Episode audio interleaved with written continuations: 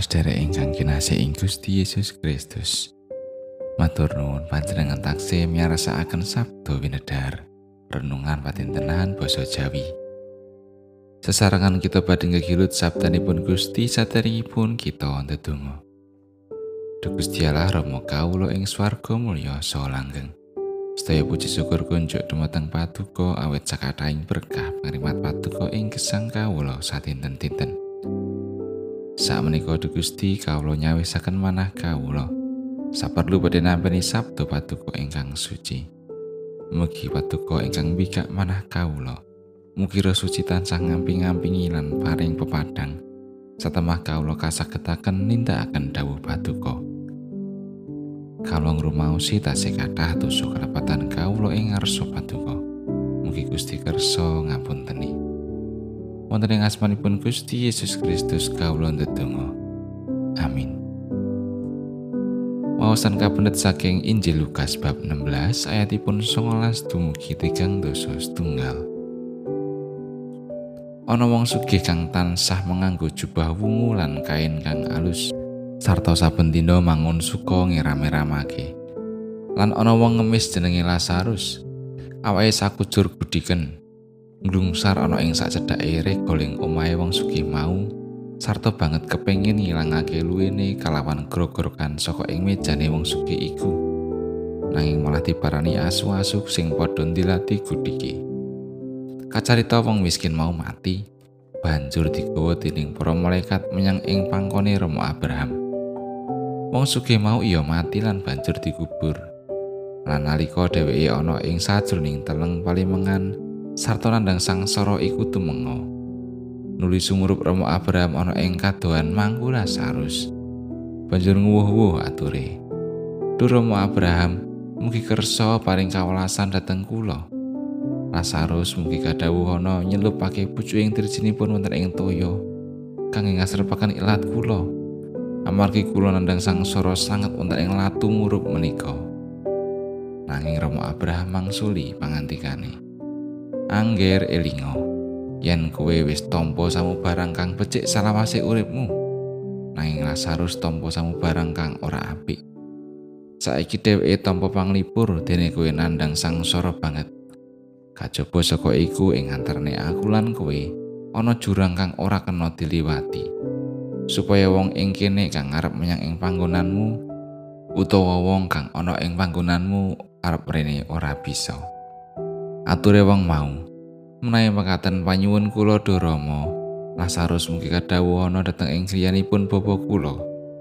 Awit sederek kula taksih gangsal supados sami kaengetno kanthi saestu. Amre ing benjingipun sampun sami lumebet ing papan ingkang sangsara menika. Nanging pangantikane Rama Abraham iku wis duwe pasaksene Nabi Musa lan para nabi liyane. Iya iku kang kudu padha dirungokake ature wong mau. Mboten Romo Abraham. Nanging menawi wonten patunggilanipun tiang pecah ingkang datengi tentu sami badhe meratobat pangantikane Romo Abraham. Menawa ora padha ngrungokake pasaksane Nabi Musa lan para nabi liyane mesti iya ora kena dikandani senadyan ana wong kang tangi saka ing antarane wong mati. Makaten pangantikanipun Gusti ayat najeng ayat kali likur. Kacarita wong miskin mau mati. Banjur digawa dening malaikat menyang ing pangkone Abraham. Manungsa gesang ing alam praja ngudi kalanggahan pangkat lan derajat ugi ngarah bondo donya kang sarwa mingahaken. Nanging asring manungsa kesupen anggenipun ngatosaken gesanging sasanes. Malah kepara kesupen dateng sumbering berkah inggih menika Gusti Allah Korining manah asring katutup dinding sikap mudidaya gumebiaring gesang ing donya. Teman kesupen lan lirwa dateng sesami ingkang betahaken kawigadosan. Pausan kita wekdal menika mujudaken pasemon bab tiang sugih lan Lazarus. Wontene tiang sugih kala wau nguja pepinginan daging kang sarwa ngremenaken. Ing sisih sanes wonten Lazarus ingkang gesangipun keserakat malah nendang rogo inggih saking kulit ing badanipun sakujur. Saben dinten Lazarus lenggah ing sangandhaping meja daharipun tiang sugih. Nadya pados gogorokan tedan ingkang dawah ing ngandhapipun meja. Emanipun bedan sakudur malah dipun dilati sekawon. Cariyos salajengipun kalihipun lajeng pecah. Lazarus kapangku dening Romo Abraham ing papan pekelanggengan. Wontene tiyang sugih mapan ing telang palimengan. Saking pasemon menika estunipun ngemontaken lan ngatak dhateng gesang kita. Bilih bondo donya kasugian pangkat lan derajat pancen kauti ing kesanging manungsa. Lamun engeta bilih sedaya barang darbe kita menika pinangkanipun saking Gusti. Lan kaagem tetes sarana babar kados dhateng sesami. Wontene pangkat lan derajat menika sampiran saking Gusti ingkang dipun pitayakaken dhateng kita. Orining manah kita asring katutup dening sedaya kabetahaning gesang. Teman kecalan kami kadosan dhateng sesami kita. ingkang sawek nandang kacingkrangan. Sumangga kita nulat sarira. Naliti dateng diri kita piyambak-piyambak. Menapa gesang kita sampun asung kawi kadosan dateng sesami. Natepi kersanipun Gusti. Menapa malah kosok wangsulipun. Kita namung ngujo pepinginan ati. Mugi karaosno kanthi wening. Amin.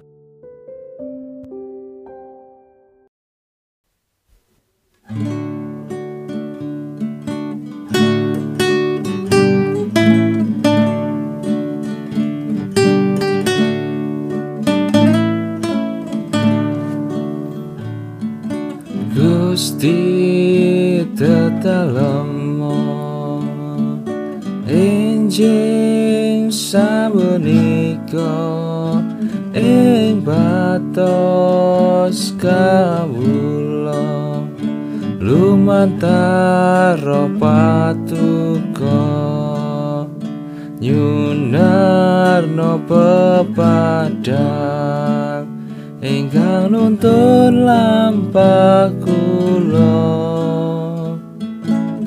amre kula kuwaga nanggulangi panggoda